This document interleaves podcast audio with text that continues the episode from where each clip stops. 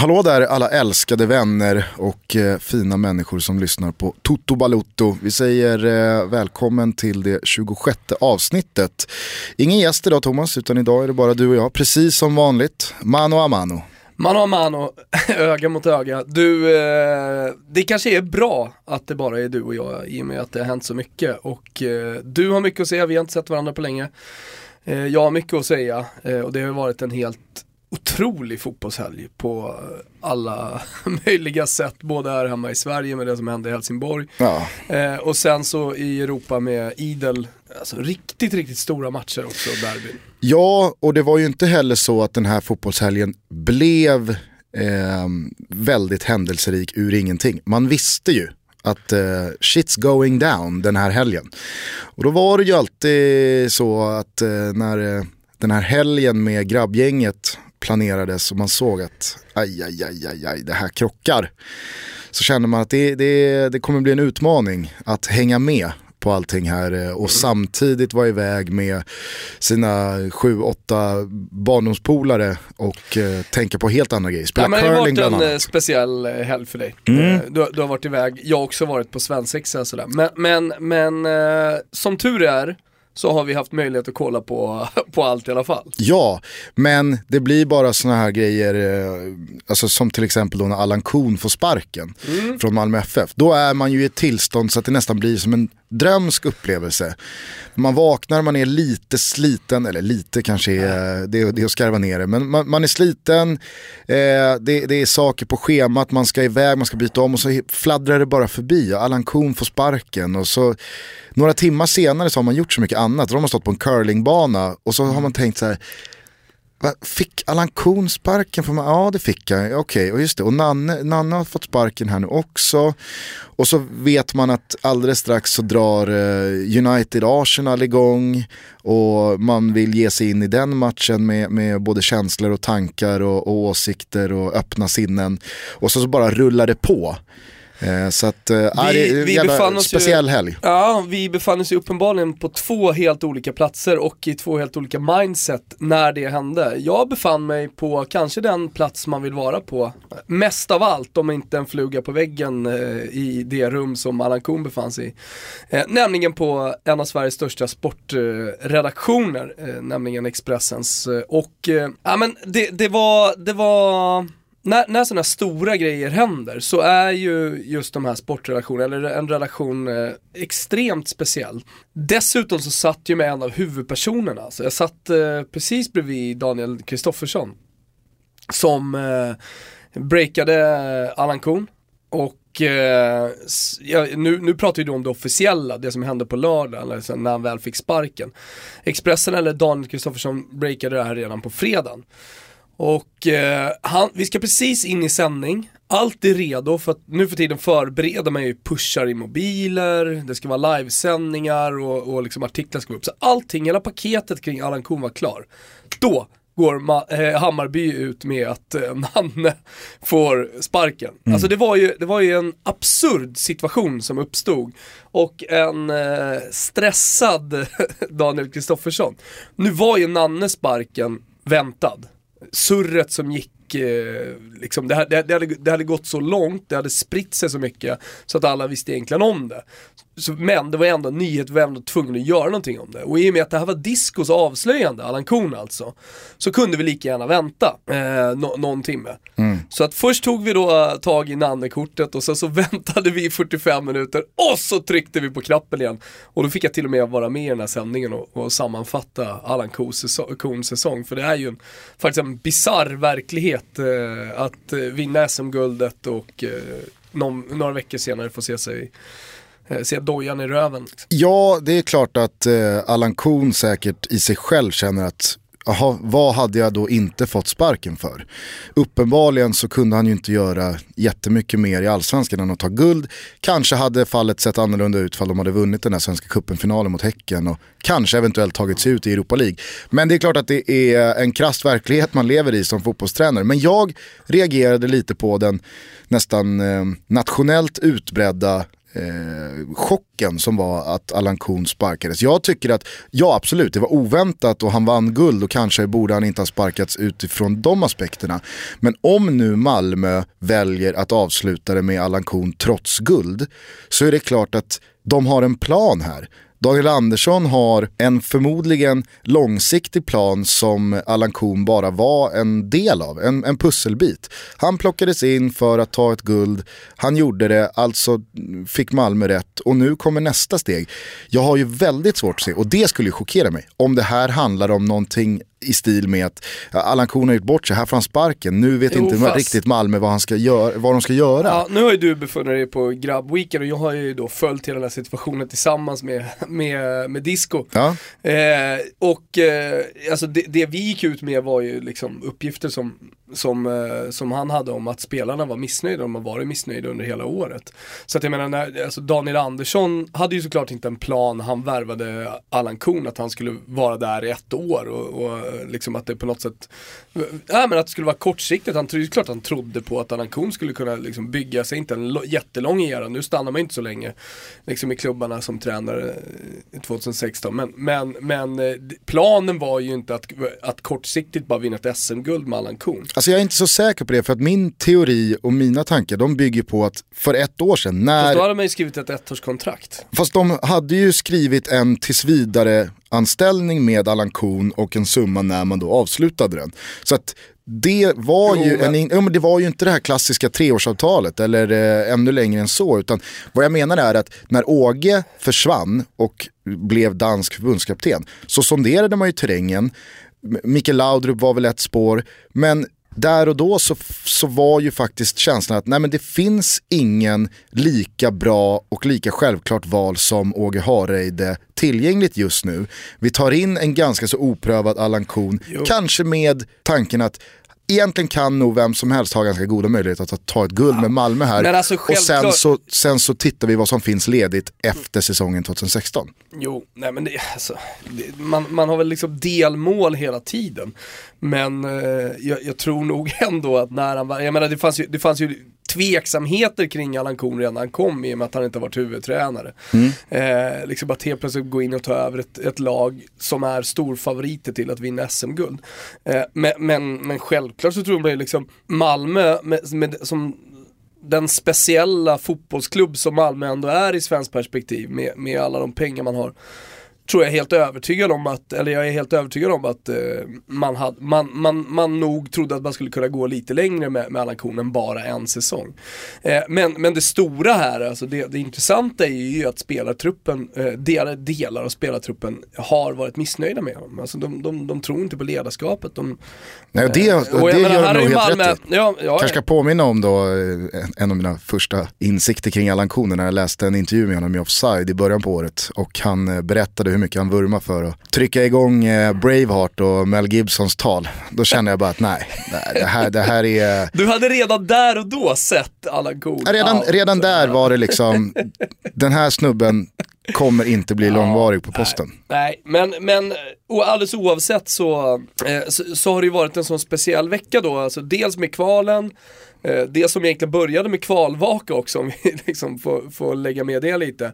Eh, och, och så då såklart liksom det, det stora mellan Halmstad och eh, Helsingborg. Mitt i allt detta så byter några av de tyngsta svenska klubbarna tränare, eller bryter med sina tränare. Eh, det, det, det är nästan, jag tror i alla fall att vissa känner att den här perioden just nu och liksom det som sker kring de stora klubbarna är nästan ännu mer spännande. Alltså vi pratar ju om silly season ändå, mm. som, som ändå har, som har inletts. Eh, och jag menar snart kommer ju till och med liksom de första värvningarna göras. Och, ja men silly season är verkligen igång.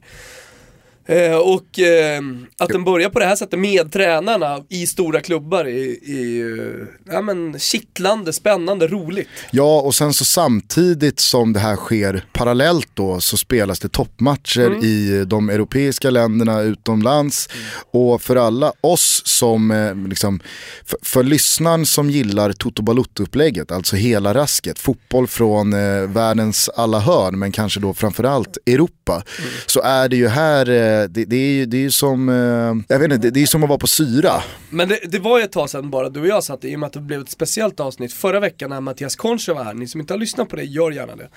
Eh, en väldigt klok och, och skön gubbe. Men det har ju gjort så att jag sitter ju då och samlar på mig det jag tycker kan bli ganska bra innehåll i uh, våra, våra podcast. Nu har det gått så lång tid och man, man inser ju att vi är en väldigt aktuell podcast. När man ser här att San Marinos långa uttalande mot Thomas Müller, ja det kanske inte är så spännande. Ja, det, känns som att det, det kändes som att det hände i maj. Ja men lite så. Man har sett Bolot som kom otroligt sent på att han hade gjort mål på offside. Ja, men flera sådana grejer ville prata om Edo Vargas, Chiles anfallare. Som eh, är supermärkligt, eh, ja men du vet, superbra hela tiden i landslaget och sen så vill det sig aldrig riktigt i klubblaget. Ja eller ta bara, ta bara matchen Ungern-Sverige. Det är ju oceaner av tid sen. Ja, verkligen. Utrikeskorrespondentens brorsa men hänger dit en frispark. Ja, herregud. Stort grattis till Sam Larsson ja. för hans väldigt fina debut och uh, mål. Ja. Om än med en liten deflection. Jag tycker ja, överlag hela den där matchen var, den var jättehärlig. Vi ska inte prata om den, vi, vi stänger den redan där. det är för där. länge sedan. Men det som är hett, Ja. Och det vi inte eh, varken vill eller kan tassa runt är ju Helsingborgs IF. Såklart, och låt oss därför återkomma till det när vi har sparkat igång det här avsnittet eh, som, som det ska sparkas igång.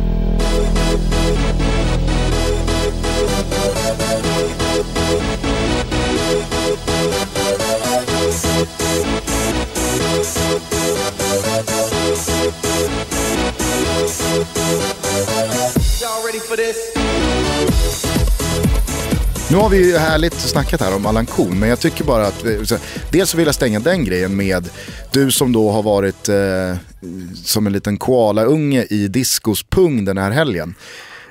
Magnus Persson, vad händer där? Otrevliga bilder jag precis fick eh, framför mig här.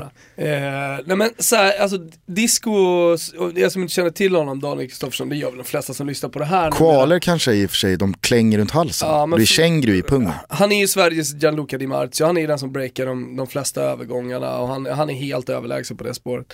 Eh, det, det, det är roligt, ibland får man ju faktiskt lite uppgifter till sig. Eh, man tror att man är lite unik eh, och så brukar jag ofta då föra det vidare till, till Daniel. Och nu gjorde jag ju då öga mot öga när vi pratade om en del situation, situationer inom svensk fotboll. Eh, varje gång jag sa någonting så log han bara lite. Och så väntade sig och pratade klart och sen så berättade han hur det egentligen låg till. Mm -hmm. Mm -hmm. eh, så eh, ja, där ligger man ju i lä, inte för att jag har några ambitioner att bli som disco, men, men det, är, det är ett imponerande jobb han har lagt ner. Och han är ju en sån här person, jag vet jag hyllade honom lite på Twitter här, och nu kan man ju tycka att jag är jäv för att jobba på samma tidning, men det hade jag gjort i alla fall. Det här är trots allt ett ganska neutralt forum som du och jag sitter i. Men, men jag vet att det ligger ett extremt hårt jobb bakom. Han är ofta på träningsanläggningarna, han reser väldigt mycket, han, han, han är on duty 24-7. För det, det, måste det vara när man jobbar som honom. Eh, det arbetet hamnar ju alltid när, när, när man liksom ska bedöma vem som är bäst och sådär, för det gillar ju Sverige att göra eh, inom, inom sportjournalistiken så hamnar ju Disco alltid i skuggan, det är ingen som nämner honom. Så jag hoppas att folk när Guldskölden kommer och så vidare också kan hylla Discos arbete, att han i alla fall kan få bli nominerad i någon kategori, för det är han verkligen, verkligen värd. Ja, det skriver jag under på direkt. Eh, tillbaka bara då till Magnus Persson-spåret, kan du på något sätt eh, ge mig vad Disco hade för kroppsspråk kring de uppgifterna? Ganska sval. För det var ju ett väldigt, o, alltså det var en väldigt oväntad vändning i hela Malmö-bomben här. Ja, ja, verkligen. Han säger att det är två namn. Och ett av dem är Magnus Persson? Nej, det sa han inte.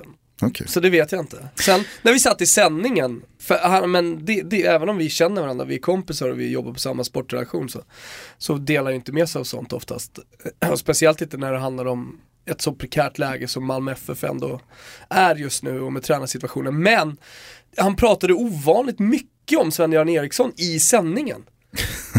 Så jag, jag, blev nästan lite Nej, det kan inte, det nej, kan nej, inte vara Jag vet att det inte kan vara Svennis, men efter ett tag undrar jag så här, varför sitter du och pratar om Sven-Göran Eriksson för tredje gången överhuvudtaget Disco? Har du slagit dig eller? Så här, man ska inte glömma bort allt det, det har pratat om de mest troliga sådär. Så, så vände han tillbaka och så, man ska inte räkna bort Sven-Göran Eriksson Nej, men han kanske är skicklig på att lägga ut lite rökridåer. Kanske, det är han såklart. Jag kan, jag jag dock, jag jag skingra, jag kan skingra de molnen. Svennis kommer inte träna Malmö FF 2017. Vad gör du om Svennis tränar Malmö FF 2017? Då- du du då har ju på jag ditt, ditt skuldsaldo Ja. så, så finns ju en manusblekning. Ja, Finns det något mer? det gör det säkert. Ja. Eh, men då kör jag Svennis-frisyren hela 2017. Ja då får du fan göra det också. Ja, ja, det Men vad händer om, eh, vad händer om Simon ringer och säger så här, Gustav kan du ta över Jonas Dahlqvist här som ska vara borta i ett år? Kör du, kör du Svennis frisyren då? Ja då, då, då alltså, skulle de då säga, men du får klippa dig. Då, då får jag väl, eh, jag Okej. vet inte, köpa något avlatsbrev eller något. Okej. Men annars så ska de vara på. Ja. Jag tror att det är lugnt. Dock, Någon har jävligt, sett honom i Malmö. jävligt roligt ifall jag skulle söka och landa Jonas Dahlqvists allsvenska gig och sen i första matchen som då Malmö spelar så står jag och tar Svennis med en sidlinjeintervju och vi båda har samma frisyr. Jag 40 år yngre än honom. Jobba in Svennis nu, kom så! Fan vad jag håller tummarna. Ja, Har in- vi odds eller? Nej, jag, jag vet Nej vi inte. får kolla upp det. Ja. 500 gånger. Eh, jag tycker bara innan vi eh, rör oss några mil västerut i Skåne, eh, alltså till Olympia och Helsingborg, så, så startar vi igång det här programmet bara med att säga att det är den 21 november. Det är väldigt svaga födelsedagar överlag här nu. Idag så är ju den enda egentligen som folk känner till och värd att nämna, Jesus Navas. Och det är ju kanske Manchester Citys profilstarka trupp allra svagaste profil. Väldigt ointresserad av egentligen någon kuriosa kring Jesus Navas, eller vad säger du? Mm. Alltså vad, vad, är, vad, vad, vill man veta? Sen är det ju generellt sett sådär ganska, ganska tråkigt med spelare som är mitt i sin karriär. Jo, men Jesus Navas För I ett känns sånt som... här segment så är det ju roligare om Dario Hübner fyller år. Men Jesus Navas känns ju faktiskt som en av få spelare som spelar i Premier League, som är landslagsman i ett av de bästa länderna.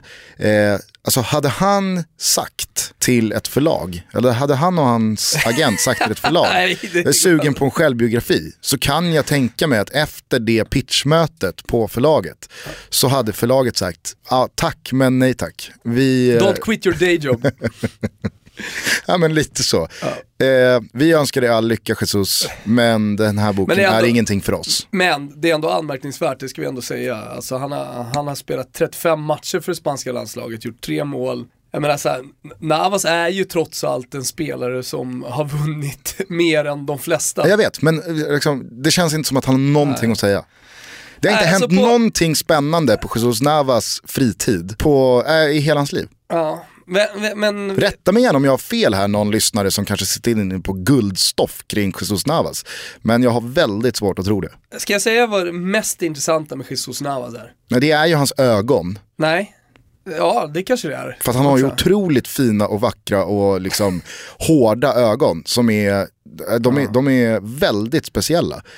Men de är också så fel på Jesus Ja, Navas. men, det, men det som är grejen, eller grejen, som jag i alla fall kan så här bara på uppstuds, jag visste inte att, han, eh, att det var hans födelsedag, men han, han lider väl av en extrem eh, hemlängtan. Det är ju, när han spelade i Sevilla så vägrade han ju till exempel åka till USA vill jag minnas, eh, på något så här förläger. Jag tror dessutom han bodde hemma hos mamma och pappa Ja, ja. Ja, tills han var han liksom ju. 24. Och, han, och för mycket så här ångestattacker och, ja men en, en orolig själ helt enkelt. Har man inte ganska så starka eh, vibes kring att Jesus Navas är en sängvätare? Jo.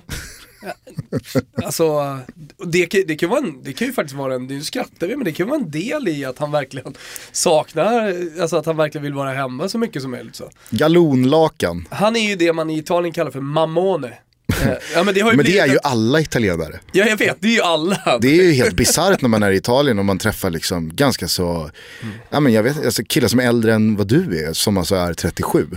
Och de, ja, jag, jag bor hemma hos mamma. Nej, men alltså, Det är klart jag bor hemma hos mamma. Jag har en grupp vänner i, i Florens där alla är mellan 76 och 79. Eh, för tre år sedan flyttade den första hemifrån. Ja, det är alltså sorgligt. Ja. Det är Och han, sorgligt. och han är nu på någon sån här backpackerresa jorden runt. Han har då under tiden pluggat och är civilingenjör. Sen köpte han ju en lägenhet eh, faktiskt för något år sedan. Ja, det var eh, ett och ett halvt år sedan köpte han. Och så renoverade han den. För det första så låg ju den här lägenheten, den låg ju 200 meter från mamma och pappa. Han har fortfarande inte flyttat in i lägenheten. Han har en topprenoverad lägenhet mitt i Florens, 200 meter från mamma och pappa. Men han bor ändå i pojkrummet. Men får jag fråga, tror du att italienare ammas längre än eh, andra också? Nej, du, du, kan inte hitta amningskortet där alltså. Det, det, går tyvärr inte. Det är någonting i mig det, som, nej, som nej, nej, drar paralleller mellan Alltså sängvätning, bo hemma länge och att man ammas länge. Nej, nej, nej, nej. Det har inget med det att göra. Det har absolut inget med det att göra. Det är kulturen. Det är så, så, som du växer upp. Amning länge är bra. Jag fick starka känslor här kring att du bytte ton för att du själv blev ammad länge och går, du går in i försvarsställning här. Jag har ju då, då ingen hemlängtan, jag har ju bortlängtan hela tiden. Jo men hur men, länge ammades du? Eh... Fan nu fick jag riktigt starka känslor att du ammades till du var tre. Nej, jag ammades nog faktiskt inte så länge. Däremot så ammade vi, alltså jag är för, för lång amning. Jag tror att min yngsta eh, dotter Alba ammades till hon var ett och ett halvt eller någonting sånt. Eh, annars, ja. Ja, ja, ja, Jag säger ingenting mer än så. Jesus Navas, vem vet, han kanske fortfarande ammas. Ja. Eh, däremot så har ju du och jag en liten teori här. Vi har ju lagt ihop ett och ett med att det är så ruskigt svaga födelsedagar och har varit så de senaste veckorna. Och det är väl inte liksom din och min teori Nej, att vi har kommit på det. Jag gillar att du november kidnappa den teorin. Ja, november och december är ju väldigt lågt representerade ja. i eh, födelsedagsmånader hos eh, proffsklubbar och i fotbollen överlag. Alltså det är ju en väldigt stor andel som är födda i januari, februari. Mars börjar till och med bli sent. Skulle man kunna hitta något, liksom, något, något liknande? Jag vet ju att det finns statistik som mm. eh, underbygger detta. Men skulle man kunna hitta någonting liknande med då att innebandyspelare är överrepresenterade i november, december? du menar att är liksom 95% av innebandyspelarna är svaga fotbollsspelare? Ja, eller Och därför bytte de, eller, de bytte fotbollen mot innebandy. Ja, man tog andra sporten eller tredje ja. sporten helt enkelt. Ja, kanske. Det är ju en, det är en intressant tanke. Kanske då i förlängningen är innebandyspelare överrepresenterade i sådana som har bott hemma länge också. Faktiskt. Kolla och, fjär, och fjärde steget är ju såklart då innebandyspelare. Ammades de längre? Sängväteriet också. jag tänker innan vi tar oss eh, till Olympia att vi ska svepa lite. Eh, för det är ju så oerhört mycket som har hänt i helgen. Därför har jag bara kokat ner svepet till Italien, Spanien och England. Så kan vi väl bara prata lite Tyskland och Bundesliga och där klassiker eh, isolerat. Leipzig sure. kör ju på också, de ja, är ju det... ensamma serieledare såklart, här nu. Såklart. Eh, men eh, här kommer ett litet svep och en recap av vad som har hänt i Italien, Spanien och England. Håll i er! I Italien smällde det till ordentligt i en av höstens målgladaste omgångar och två av pytsarna gjorde Torinos Andrea Belotti. Kanske i Toto Balutto-sammanhang mer känd som den välhängde Belotti-gubben. Landslagsmannen klev i och med detta upp på 10 gjorda och delade därmed skytteligaledningen med Romas Edin Dzeko och Inters Mauro Icardi. Du kör lite som eh, eh, du vet, spanska, spanska radiostationer. Där man bara spelar 6-7 sekunder av låten och sen drar de ner ljudet och kör bara hasta la vista. Och sen kommer musiken på igen. Exakt, kör vidare. Belottis Torino hakade igenom segern mot jumbon Crotone på klustret av klubbar bakom Juventus och det skiljer nu endast 6 poäng mellan andra placerade Roma som förlorade mot sensationslaget Atalanta och åttonde placerade Fiorentina, numera på 20 poäng efter en mycket stabil 4-0-seger borta mot Empoli. I svenskklubbsmötet Bologna mot Palermo var Oskar Hiljemark tillbaka i Palermos startelva. Den hårfagre mittfältaren var dock enda svensk från start och hans lagkamrat Robin Quaison inledde på bänken, precis som Bolognas Emil Kraft. Filip Elander var utanför truppen på grund av ryggproblem och matchen, ja, den vanns av Bologna med 3-1 och Siciliens stolthet Palermo verkar ha knappat in Serie B på GPSen. I Spanien handlade lördagens matcher om två spelare, för på Camp Nou visade Malagas La Liga-veteran i kassen Kameruns finest Idris Carlos Kameni att gammal är äldst när han spikade igen totalt och räddade en poäng till sydkustlaget mot ett ganska så ordentligt roterat Barcelona. Och den poängen kan ha kostat, för efter Cristiano Ronaldos hattrick-uppvisning i Madrid-derbyt mot Atletico har nu Zidans maränger ryckt ifrån med ett fyra poängs försprång ner till katalanerna. Ligaracet i Spanien blir en thriller. Och på tal om thrillers, vem kan säga hur Premier League kommer att sluta? José Mourinhos Manchester United var på vippen att bjuda in sig själva i tabelltoppen, men dörrvakten Olivier Giroud ville annat och kvitterade på Old Trafford. 1-1 slutade matchen och de röda jävlarna har fortsatt förtvivlat svårt att avgöra matcher man borde vinna. Många saknade nog den avstängde Zlatan Ibrahimovic. Tottenham vände och vann med ett nödrop i London-derbyn på West Ham genom två sena mål av Harry Kane. Liverpool låg på för en seger i regnet borta mot Southampton men hemmalagets Fraser Forster höll ännu en nolla och poängen delades lika. Chelsea tog sig upp i serieledning genom sjätte raka segern, den här gången borta mot Middlesbrough, men omgångens största knall stod Jaya Touré för. Vi var många som satt lördagslatten i halsen när vi såg Manchester City startelva och nog ännu fler som förvånades när Touré svarade för två mål och hjälterollen i segern borta mot det sjunkande skeppet Crystal Palace. På tal om sjunkande skepp, de regerande mästarna Leicester är nu blott två poäng från nedflyttningsplats och Sunderland, som många nog räknade ut för några veckor sedan, har tagit sin andra raka seger för första gången sedan Eldkvarn brann och de svarta katterna ser eventuellt ut att ge sig själva chansen att kunna resa sig på nio i år också. Snyggt! Nu har man ju koll på läget och det är det som är meningen för nytillkomna lyssnare. Att eh, ja, men, ha det här lilla svepet, när man kanske inte haft möjligheten att följa allt så kommer man in i matchen lite grann. Mm. Så känner jag. Eh, och jag vet att flera som lyssnar på den här podden eh, inte har möjligheten att se allt. Man kanske har familj och vänner och dop och, och så vidare. Ja men och sen så är det ju, det, det är kul också att skriva de här svepen för att om vi, om vi ser på hela fotbollshelgen, i alla fall i, i de här länderna, som de, de finaste ingredienserna till att koka en sås på, så blir ju det här reduktionen. För att vi, vi, kan ju inte ta med allt. Då sitter vi och sveper i en och en halv timme. Ja. Men det här blir ju då essensen av vad som har fångats upp eh, på Näm min radar och som, mm. som, som blev min såsreduktion. Nämnde du eh, fotbollens La Scala? Till, nej, till exempel då inte för att jag tänkte att äh, men det, det känns orättvist mot då det fantastiska Milano-derbyt igår kväll.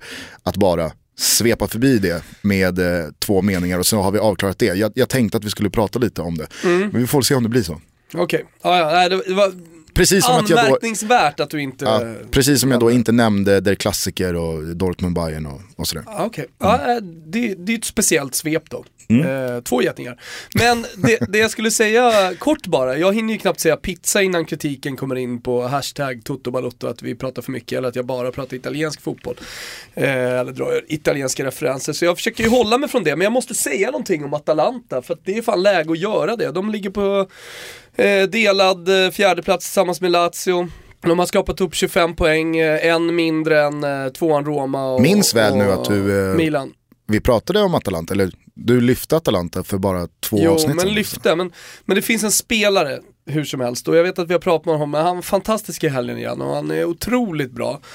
Eh, Papo Gomez heter han såklart och eh, det är ju en sån här spelare som eh, då tyvärr för hans egen del kommer från ett land som producerar väldigt mycket skickliga spetsspelare på just den positionen som är eh, offensiv mittfältare. Eh, I Argentina så finns ju några framför honom så att säga. Eh, men, men han, är, han, skulle gå in i stort sett vilket landslag som helst i, på, i en sån position. Och jag tror att Italien just nu håller på med någon slags, ja men, övertalningsförmåga eller övertalningskampanj. Eh, att eh, han ska välja Italien istället. För, om ni inte har sett Atalanta spela i år, alltså försök att ta chansen en helg när, när, när vi har satt visa dem. Och kolla in och ha ett extra fokus på dels Papagomes, men det finns väldigt många andra sköna lirare i det här Atalanta. Dels har man ju eh, fler, flertalet eh, unga italienare då som kommer från den egna eh, akademin, Italiens bästa eh, akademi, lite som Lyon eh, i, eh, i Frankrike, lite som Sporting Lissabon, även om man jobbar på helt annat sätt. Men nu börjar det komma upp intressanta spelare som också har fått chansen i landslaget, det stora landslaget, eh, var med i truppen så. Och sen om vi liksom går bortom eh, Italiens gränser så finns en ung kille som heter Kessie, eller Kessie, eh, som är helt fenomenal som säkerligen också kommer att spela i eh, en stor, stor klubb. Mm. Det, så, finns många anledningar att kolla på detta Atalanta. Det, det är en härlig mix av ungt och gammalt, av utländsk spetskvalitet. Eh, till eh, ja, men bara det faktum att Penia fortfarande spelar i klubben i en anledning nog att kolla på Atalanta. Sen älskar man ju också att det här skeppet inte styrs av någon ny hotshot-tränare. Utan att det är en av de gamla rävarna som har lite eh, en renässanssäsong.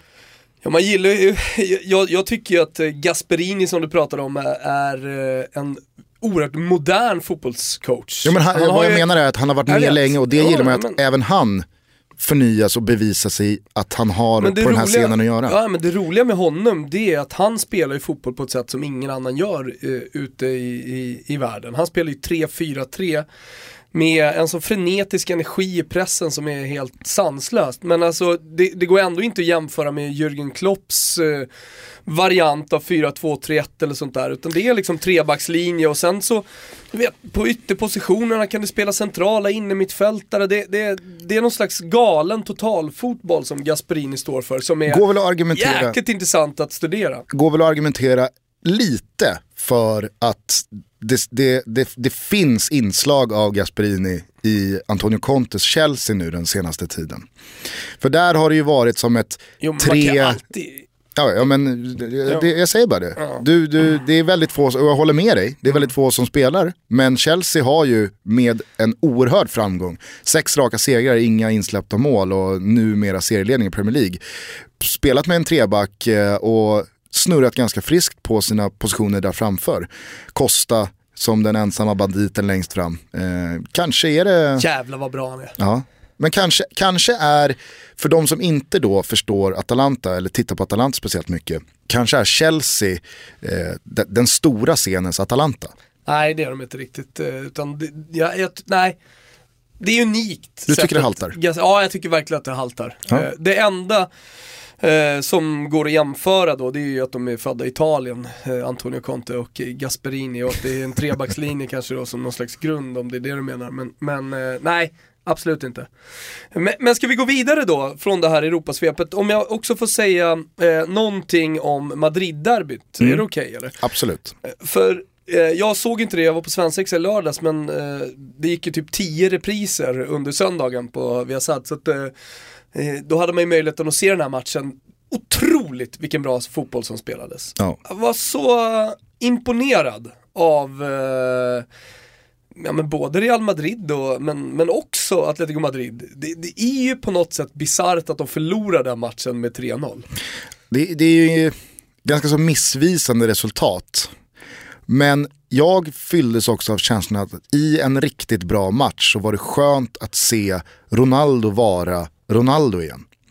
Han har ju brottats lite mot sig själv den här hösten. Jo, han har ju inte riktigt varit sig själv och jag menar man är van att se honom göra mål liksom i varje match. Det har ju blivit så. Man jämför ju inte längre Messi och Ronaldo med, eh, med eh, andra fotbollsspelare Nej. som de spelar på en helt egen division. Eh, och inte minst då med, med gör man nästan 50 mål över en säsong, då, då, är man ju på en helt annan nivå. Därför får Ronaldo 2016 hela tiden jämförs då med Ronaldo 15, 14, 13 och så vidare. Mm. Och där har han ju faktiskt haft en väldigt jobbig höst. Eh, och det här kanske var hans sätt att säga, det, det, det, finns fortfarande krut i den här gubben. Ja men jag tycker väl också att det är lite fräscht att varken Messi eller Ronaldo är eh, högst upp eh, i, i, det här, eh, i den här Europaligan av anfallare som har gjort mål. Utan där hittar vi ju en som du nämner i svepet, våran favorit Belotti till exempel. Eh, jag tror väl Dzeko är ganska högt upp eh, också. Aubameyang i Dortmund eh, tror jag ligger på samma antal poäng i ligaspelet, det vill säga 13 och med gäng där. Mm. Diego Costa borde väl vara där också? Ja, han kanske är där uppe också, men, men, men poängen är att... Cavani. Att, ja, Cavani, vilken säsong. Han var bort uträknad i, i augusti. Men, nej, men det skulle säga att jag tror, jag tror de flesta känner lite så, att det är skönt när inte det är sån total dominans från, från Messi och Ronaldo. Ja, det är jag helt övertygad om, men man gillar, alltså everybody loves a comeback. Eh, och om det nu går att prata om någon slags comeback i denna eh, snart tioåriga uppvisning av två spelare så är det ju också mäktigt. När man som du och jag kanske ibland har börjat prata om eh, att lågan börjar slockna lite och det går inte att fortsätta hur länge som helst. Är det början på slutet vi ser här? Så kommer sådana här insatser där det är, för Messi har ju stått för några sådana också här nu senaste tiden i Champions League framförallt. Där han helt enkelt har visat att nej, det är ingen som är på min nivå. eh, fortfarande. Eh, och det är ju kul. Men jag håller med dig om att det var en jävla fantastiskt bra match. Och jag tycker att Real Madrid eh, ser mer och mer intressanta ut. För att eh, det ska man komma ihåg att det här är ju ett lag som är långt ifrån är färdigt och är väloljat med Zidane som tränare. Och nu känns det som att man har tagit sig ur den här första perioden och inte tappat så många poäng längs vägen. Mm. Nu kommer man ju bara bli bättre och bättre och bättre. Mm. Och de skador man har haft, det läget kan inte bli sämre heller. Och av de här stora matcherna hur som helst, eh, det är klassiker, vi hade Milano-derbyt och eh, vi hade flera stora matcher mer, men, men av de största, så, och Madrid-derbyt, eh, så, så rent så här inramningsmässigt så, så kan man ju liksom diskutera vad man tycker är fetast. Eh, jag, jag tycker att liksom Milano-derbyt eh, har ju någonting speciellt i sig. Men det kan vara kanske för att eh, jag har liksom lite närmare att gå mm, hjärtat hitta lite närmare, eller det är lite närmare till mitt hjärta via den italienska fotbollen. Jag vet inte. Jag tror ytterst två i alla fall skulle dra en lans för United Arsenal. Satan så svag tillställningen ja, var, nej, pulsmässigt. Det, det, det, det, tror jag inte heller. Sen är ju Västfallen speciellt eftersom det är Västfallen och det är gul vägg och allt sånt där. Och sen Calderon är speciellt på sitt sätt också. Eh, men, men jag vill ändå hålla Milano-derbyt personligen högst upp där. Men fotbollsmässigt så hamnar ju den matchen så jävla långt efter. Om vi bara tar Madrid-derbyt då. Som, som jag verkligen liksom kunde, ja men det, det, det imp jag imponerades otroligt mycket över den. Otroligt bra fotboll. Tvär, tvärtom då i Milano så var det usel fotboll. Alltså. Det, det, det gjorde nästan ont att se. Ja, första halvlek var så jävla svag alltså. Ja. Och du vet när Milan byter in Lappadula och eh, han får liksom en stående ovation det, du vet, det här vrålet, det här djupa vrålet som när Kaká kom in en gång i tiden. Kanske från en lång skada från Varo. Som man, kunde, som man kan höra då och kunde höra på, på San Siro. Det kom för Lappadula. Ja. En 26-åring som man köpte från Pescara. Visserligen en skön karaktär. Men kom igen! Lite stolthet Rossoneri än att stå och jubla på det där sättet för att det kommer in en en eh, halvrisig anfallare. Jag tyckte att eh, det, det, mest intressanta med Milano-derbyt, förutom att det var en jävla uppvisning på läktarna, i synnerhet då Milans eh, tifo. Det var ju jävligt mäktigt alltså med Silvio Berlusconi. Eh, Enligt Siavush, vår vän, så, som var på plats, så mm. var det ju total utskåpning på läktarna. Inter slaktade. Ja, jo, men det hörde jag också. Mm. Eh, men han är ju också interista så att eh, kanske man ska ta med en nypa salt. Kanske. Hur som helst så tyckte jag att det, det mest intressanta det var ju att se Stefano Piolis, liksom, hans Inter för första gången. Mm. Hur han skulle använda sig av det. Det jag noterar är att Ever Banega sitter bänk. Eh, och eh, inte då verkar vara Piolis liksom självklara val i startelvan. Kondogbia kommer få det jobbigt, kommer få det riktigt jobbigt och Såg du att, hans löpning eh, som han tog i hemjobbet? Ja, som har rullat den har, på den har snurrat Twitter på Twitter, absolut. Ja. Den, den kommer han ju få äta upp som fan. Mm. Men sen så var ju också den, den, tredje, den tredje punkten jag noterade i detta Piolis Inter mm. att eh, även han har nära till användning för Nagatomo. Och det är, eh, det är, det är ett litet mysterium i sig. Illavarslande. Ja, alltså, någon tränare ja. borde få frågan i anställningsintervjun. Hur ser du på Nagatomo? Kommer du använda honom? Där ska svaret vara nej. Eh, för att man ens ska vara aktuell för att få jobbet. Men eh, överlag så tycker jag ju att eh, resultatet var rättvist. För att inte var ju bättre än att förlora den där matchen. Ja. Ja. Eh, samtidigt som jag, jag, gillar ju verkligen Sosos match. Ja, Sosos match. Eh, jag tycker att eh, Locatelli fortsätter att visa uh, att han är den stora talangen som han är, att han ska spela i startelvan i detta Milan ska sägas. Men, jag satt och tänkte på det igår när jag såg Donnarumma lite grann. Är han kanske möjligtvis uh, målvakten som är perfekt? Han har alla, precis alla förutsättningar för att vara perfekt. Han är oerhört mycket på alltså, riktigt. Ja, han är oerhört mycket på riktigt, men ibland tänker jag så här Ibland kan ju målvakt vara en vägg, mm. men jag tänker att Donnarumma kanske är en vägg. Han kanske kommer i något läge i karriären när han inte släpper in ett mål på en hel säsong. Tänk om Milan skulle ha gamla Milan-backlinjen. Jag vet att det har varit stora målvakter i Milan tidigare, men tänk om de skulle ha det. Mm. Jag är tveksam till att eh, Donnarumma ens, ens släpper in några bollar. vi kan i alla fall konstatera att det är skillnad på backlinjen då och backlinjen nu. Eh, det kan vi göra. Palettagubben är ju inte, det är ingen vägg måste ju bara säga det, alltså, elefanten i rummet här som väldigt många noterade också på de sociala medierna. Hur kunde de få igenom att se ut sådär, båda lagen.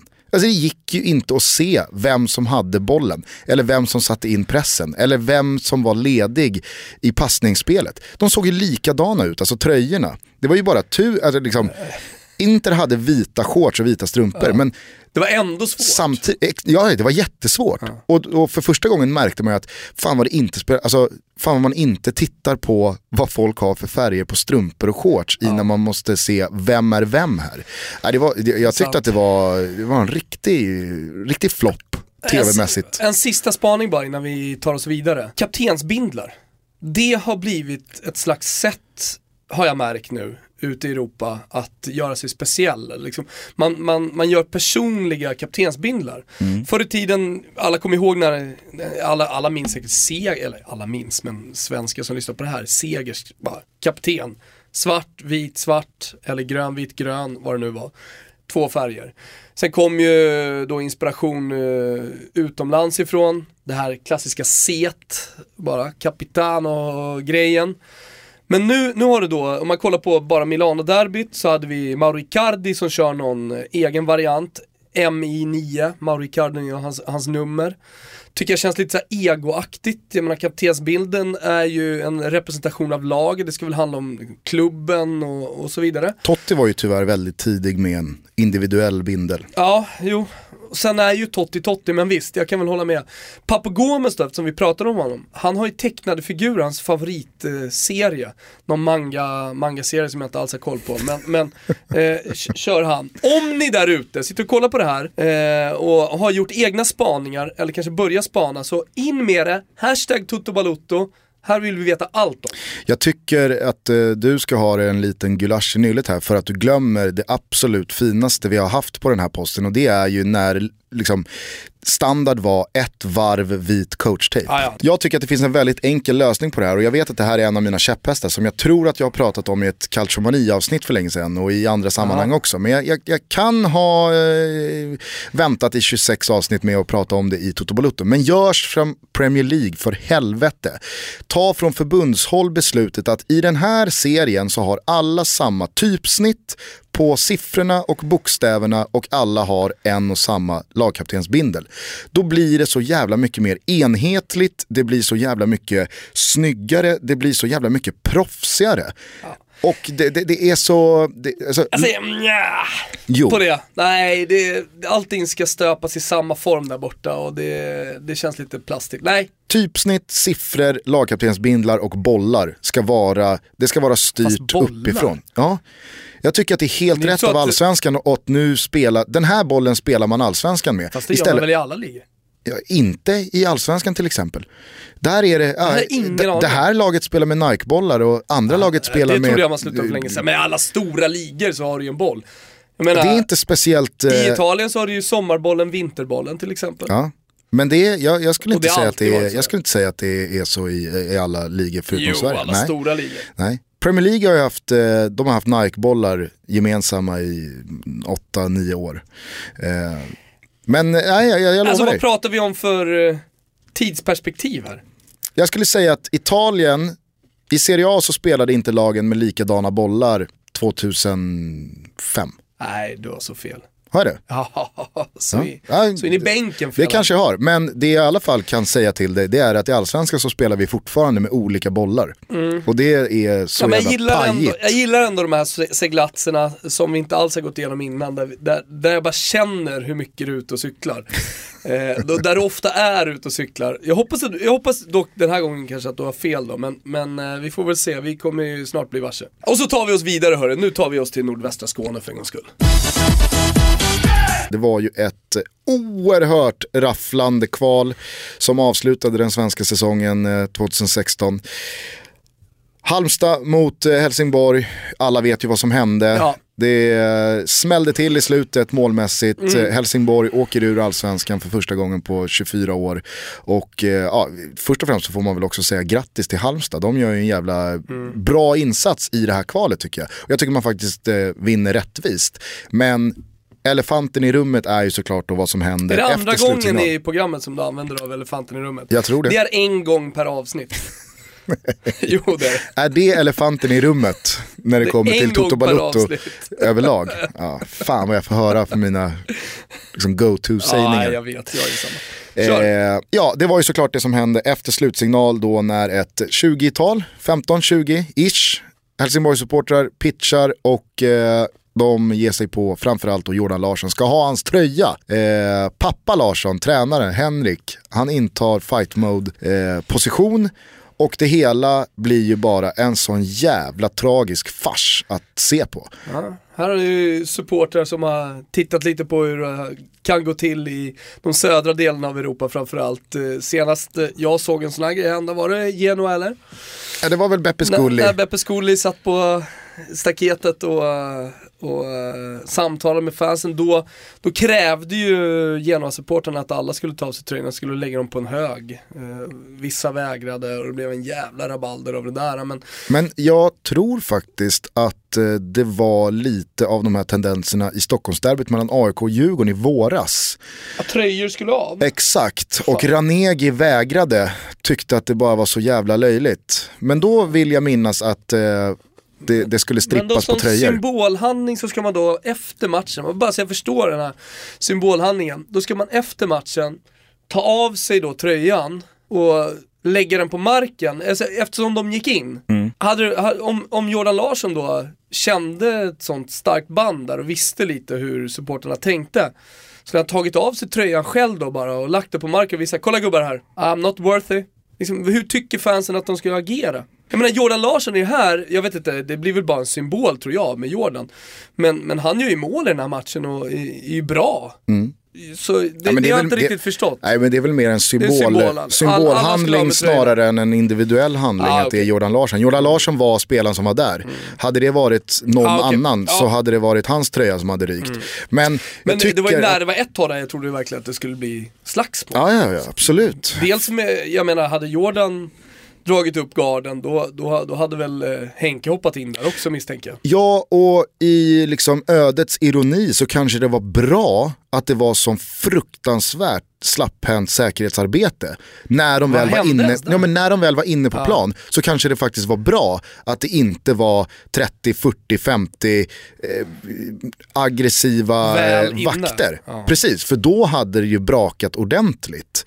Eh, så att, li, lite tur i oturen. Sen var det ju bedrövligt att de ens kom så långt att de här scenerna utspelar sig och att det faktiskt inte gör speciellt mycket åt att alla får bara gå upp för trappan igen och ställa sig på läktaren. Alltså, I och med att de flesta var maskerade, det är ingen som kommer straffas för det här. Det är helt omöjligt att se vem det var. Kanske alla knallade ju bara upp på kortsidan igen. Kanske ändå. Det var bisarrt ja, alltså. Ja. Men, och, och, och allting fortsätter ju då med att Henke Larsson nästan sitter och bjuder in till fortsatt strid då på presskonferensen efteråt, eller intervjuer efteråt med det här att ja, vi har en jävla massa hundar hemma och jag har bra kompisar och ja, jag tycker att det är så jävla Dålig osmakligt. spelförståelse var det Gustav. Men jag tycker att det är så jävla osmakligt att eh, det här är det som ska avsluta det svenska fotbollsåret. Mm. För det var ju verkligen bland de största lågvattenmärken jag sett på en svensk eh, arena på många, många år. Pinsamt. Alltså, tycker verkligen Fast inte bara pinsamt utan också jävligt beklagligt. Jävligt sorgligt Jo att men se. det, det säger väl sig självt att det är beklagligt och sorgligt. Men, men framförallt så tycker jag att det är pinsamt. Ja, ja, ja. Men också en Men, men jävligt åter, återigen, stor vi har frustration. pratat om vad det. fan är det här? Ja, vi har pratat om det och vi har pratat om det med Olof Lund. Där, där höll vi uppenbarligen inte riktigt med varandra. Men, men jag säger ju att vi kommer ett steg närmare drastiska åtgärder. Ja, det här är inte minst. Ja, men, självklart, alltså vi är ett steg hela tiden närmare att det kommer tas till rejäla krafttag. Han verkar inte tro det. Eh, Han har väl kanske bättre insikt i den svenska politiken i så fall, men, men jag är helt övertygad om att vi närmar oss hela tiden riktiga krafttag. Ja, och den här situationen den skiljer sig ju åt jämfört med många andra för att efter det här så var det ju verkligen många som reagerade och eh, skrev ut sin, eh, sitt hjärtas mening på sociala medier eller intervjuer sådär. till oss också. Ja men inte bara liksom Glenn Hysén och Ralf Edström utan Andreas Granqvist klev ut och Tobias Hysén klev ut och det känns som att den här situationen var kanske droppen som fick bägaren att rinna över och att man nu, precis som du är inne på, faktiskt agerar för att det blev större än andra sådana här skandalscener. Eh, Men i detta då så tycker jag att man ska uppa ett projekt som är Enable Research. Eh, Jag vet inte hur många som känner till det men, men de har gjort ett jättestort arbete kring publikhanteringen inom svensk fotboll. ska vi säga så här, schnitzel till eh, dem Ja. och gulasch till de pitchande Helsingborgssupportrarna. Du får ge, det finns många att ge gulasch till tycker jag i, i Helsingborg här. Och det känns som att de kommer undan en negativ spiral som de, eh, de eh, ansvariga liksom har bara sett till så att den har gått snabbare och snabbare ner mot avgrunden.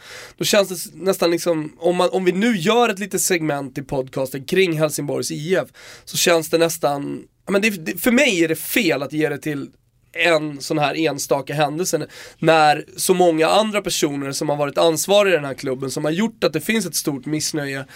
Fast det här gör vi ju två gånger i veckan ibland så att en gulasch kan väl gå till... Nej, jag vill ge, jag, jag, då, då vill jag hellre ge gulaschen till Henke Larsson i den här, den här veckan. Som har haft två år på sig att liksom försöka göra någonting här i, i, i Helsingborg men, men är den som i slutändan styr klubben ner, som är ytterst ansvarig för, för det sportsliga på planen, som inte lyckas med någonting. Det är ett spel där de, senaste tio matcherna, man liksom inte sett någonting. Det är så otroligt dåligt. Och sen samtidigt så visar att trots den erfarenheten han har, inte kan hantera media, inte kan han hantera tuffa situationer och inte, inte sätta en prägel på spelet. Alltså det här, Fan dela ut två då. Dela ut. Nej det Du- får man inte, det är ju gå, gå ifrån reglerna. Okej. Är Eh, Du som satte reglerna en gång i tiden, du borde veta. gulasch till mig alltså. Ja, inte, ens, inte ens Henke får gulasch, det landar på mig där. Nej men eh, jag håller helt med dig i dina resonemang kring Henke. Eh, och jag tycker också det är lite provocerande, och det säger jag som Vad ska inte... bli av som, Henke? jag, jag håller inte på Helsingborg, jag bor inte... Alltså, så här, Det vet men alla. jag blir till och med provocerad när han i den här stunden säger, när han då får frågan, kommer du stanna eh, i Helsingborg nästa år? Folk vill, ju, folk vill ju mena på då att ja, men Henke har jävla klubbkänsla och hjärta för Helsingborg och hela den biten. Att då svaret inte är någonting annat, ja jag har ju kontrakt ett år till. Det, det blir så jävla provocerande att, att i, i den stunden inte kunna bjuda på någonting mer i stil att jag, alltså jag har varit ansvarig det här året när vi åker ur. Jag är inte någon som då säger upp mig och flyr. Eh, utan vill Helsingborg att jag ska vara kvar så vill jag vara kvar för att jag, jag, jag vill lösa det här. Att bara säga, jag har ett år kvar på kontraktet, det, är- det, alltså, jag vet inte, det är så jävla känslokallt det här. Och att dessutom sitta och bjuda in då till någon fight med de här supportrarna, att vi har hundar hemma och jag har bra polare. Och, nej, fan, det Han smakar. drog också polarkortet. Ja, lite som man gjorde i Det nian. klassiska ja. Min brorsa, Exakt. alltså min kusin. Vem var ditt kort? Eh, fan, jag hade ganska svaga löv. Men, Jag hade grymma löv. Ja det kan jag tänka mig. Oj, oj, oj, oj, oj, oj, oj. Ingen drog ju dock dig som sitt kort. Jo då. Jag har en sängvätande, jo, men- jag har en sängvätande polare som ammade sedan han var sju. På grund av mina kontakter så kunde jag ändå dras, in, kanske inte personligen då, men, Ja. men, Ja, men jag känner en snubbe som känner bra killar. exakt, Ja. mer så. då, Han och mer du. så. Eller så var det så här, shit, har ni hört om han från Rönningen som ammade tills han var sju? Han är helt jävla mental alltså. ja, nej men det regnar gulasch. Du- det regnar gulasch i nordvästra regnar- Skåne. Ja okej, Det- vi säger så då. Det regnar gulasch över hela Helsingborg. Ja. Det ska också sägas när de här 20 gick in så, så fick de arenan emot sig. Det var ett 20-tal som sagt, det var 11 000 på plats på Olympia. Det bara värt att nämna ändå för E- Emil Gidlöv tar upp det också. Det, det är vi ju såklart medvetna om. Över de 10 980, Mm. de har ju paraply i det här gulaschregnet. Hörru du, vi måste tyvärr börja runda av det här avsnittet. Det har blivit eh, en liten Helsingborgs, göra- en Helsingborgs härdsmälta i bokningssystemet här på Radio Play. Ladda ner eh, appen för övrigt. Ja. finns en jävla massa härliga poddar och radiostationer att lyssna på där. Och sen är det väldigt viktigt för oss, eller viktigt, ni får göra precis som ni vill, men vi skulle tycka att det var väldigt roligt om ni gick in och röstade på oss. Daytona har ju ett stort podcastpris och eh, nomineringarna, nu nominerar man, Eh, de, nomineringstiden tar slut nu den 24 november och det hade varit så himla roligt att vara med bland de nominerade sportpoddarna. Eh, så er, ni som vill, man kan rösta en gång per dag, ni som vill, gå gärna in och, och gör det. Det finns länk i vår bio på Twitter, det finns länk också på Eh, Instagram. För er som inte hittar det, men det är Daytonas stora podcastpris. Tack så mycket till alla som har röstat och som fortsätter att rösta på oss. Det är normalt sett inte viktigt för oss, men eftersom det har varit ett sånt otroligt speciellt jobbår för oss så känner vi lite extra att vi vill, vi vill röstfiska lika. Hoppas att ni liksom fortsätter lyssna på oss trots denna Ja. Hjälp oss att avsluta året Ja. 2016 i dur. Fan vad det hade känts skönt. Ja. Du, eh, det blev väldigt mycket Gulasch och väldigt mycket Helsingborg. Ville du snitsla upp eh, Enable eh, Research Ja. lite mer? Eh, det, det vill jag verkligen. Det de har gjort är i alla fall en stor undersökning, ett stort arbete kring den svenska supporter, eh, supporterkulturen eh, och framförallt då hur samhället ska arbeta tillsammans eh, med eh, supportergrupperingarna för att komma till bukt, alltså få en mer positiv eh, läktarkultur i Sverige. Och eh, det här är ju en jättelång rapport, jag har inte läst hela, det är väl en 60-70 sidor med analyser och så vidare. Jag ska göra det, försöka sammanfatta det sen för er som inte orkar göra det. Eh, Men, men eh, det är ett stort och det är ett viktigt arbete och det här är riktiga proffs. Man kommer från olika eh, delar kan man väl säga av fotbollen. Alltså dels på akademisk nivå, dels på klubbnivå. Eh, Så, så många olika personer som kommer från olika håll har då skapat den här rapporten eh, som eh, behövs. Uppenbarligen. Ja, och jag tror att det är Så viktigt. slipper vi vallgravar och eh, stora staket och eh, plexiglas och skit. Ja, och jag tror att det är viktigt att en gång för alla slå fast att vad som sker på fotbollsläktare är en nästan direkt avspegling av vad som sker i samhället. Det är precis lika mycket hat och hot och våld och mörka tankar och åsikter och känslor där som någon annanstans i samhället. De växeldrar med varandra och, och jag, jag, jag tycker att det är viktigt att man inser det att strömningarna i samhället är på väg åt ett jävligt obehagligt håll. Det syns ibland och ibland inte men det finns där och alltså finns det även i samhället och på läktarna. Och jag tycker att det är hög tid att ta den här skiten på allvar. Vet du, där det inte är mörker, eller så är det det. Det är Erik Hamréns framtida självbiografi. Det har precis blivit eh, Inte officiellt. mörker. Alltså jag tror att det kan bli, det kan Ja, bli det 300 kan- sidor Jag becksvart ville bara mörker. göra en slags övergång som eh, var snygg och insåg att den var bara dålig. Kanske får vi anledning att prata om den eh, senare i veckan. För att eh, förra veckan, var, jag tror att det var vår första vecka som vi bara hade ett avsnitt. Men det kommer det bli ändring på. Vi utlovar ett avsnitt redan igen på torsdag, ska vi säga det? Ja, det spelas ju Europafotboll i veckan också. så Ja, det- delas ut guldbollar och Ja. priser ikväll eh, och vi ska se vad som händer här nu i Helsingborg, i Malmö, i Bayern. När kliver AIK in och agerar? Blåvitt måste handla, alltså det, det finns hur Alexander mycket som helst. Isak ska säljas, bara en sån sak. Hörde Vem att- får rätt om priset? Har, har du nåtts av eh, de säkra uppgifterna att han var i Manchester i helgen? Ja, Kanske var han ju bara där för att titta på en match med polarna. Kanske inte. Men det, är, men det är fint när man nås av ett febrigt sms av en kompis. Alexander Isak klev precis på planet mot Manchester. Det är de tiderna och det är de härligaste tiderna som finns att leva i. Så eh, ta hand om er där ute. Maila oss om det är någonting, totobalutto.gmail.com. Och sen så hörs vi igen om några dagar. Vi gör det. Jag tycker att vi avslutar det här härliga avsnittet med eh, kanske den, den finaste låten som finns eh, om sin eh, mamma, nämligen Tupac med eh, Dear Mama. Amma på där ute, kör så länge ni vill. Ni kan sluta som Thomas Wilbacher, alltså typ en av de bästa människorna som finns. Ciao tutti. When I was young, me and my mama had beef. 17 years old, kicked out on the streets. Though back at the time, I never thought I'd see her face. Ain't a woman alive that could take my mama's place. Suspended from school, I'm scared to go home. I was a fool with the big boys breaking all the rules. Shed tears with my baby sister. Over the years, we was poor than other little kids.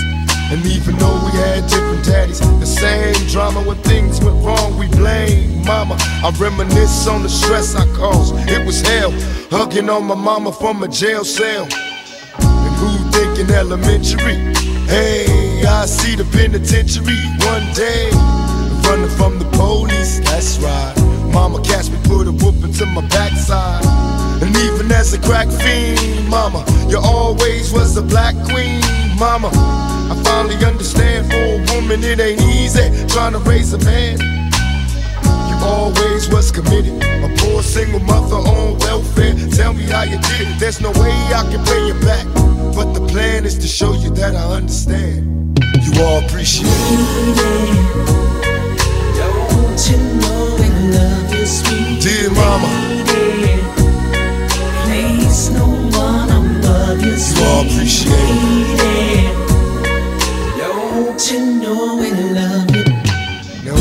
Nobody tell us it was fair. No love for my daddy cause the coward wasn't there. He passed away and I didn't cry. Cause my anger wouldn't let me feel for a stranger. They say I'm wrong and I'm heartless. But all along I was looking for a father, he was gone. I hung around with the thugs, and even though they sold drugs, they showed a young brother love. I moved out started really hanging. I needed money of my own, so I started slanging. I ain't guilty, cause even though I sell rocks, it feels good putting money in your mailbox. I love paying rent when the rent's due. I hope you got the diamond necklace that I sent to you. Cause when I was low, you was there for me. You never left me alone because you cared for me. And I can see you coming home after work late. You're in the kitchen trying to fix us a hot plate. You're just working with the scraps you was given. And mama made miracles every Thanksgiving. But now the road got rough, you're alone.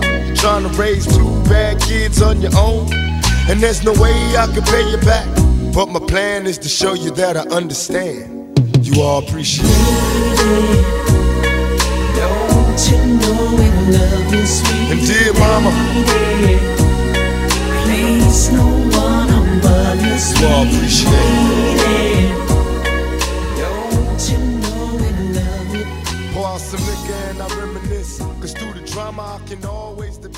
My mama. And when it seems that I'm hopeless,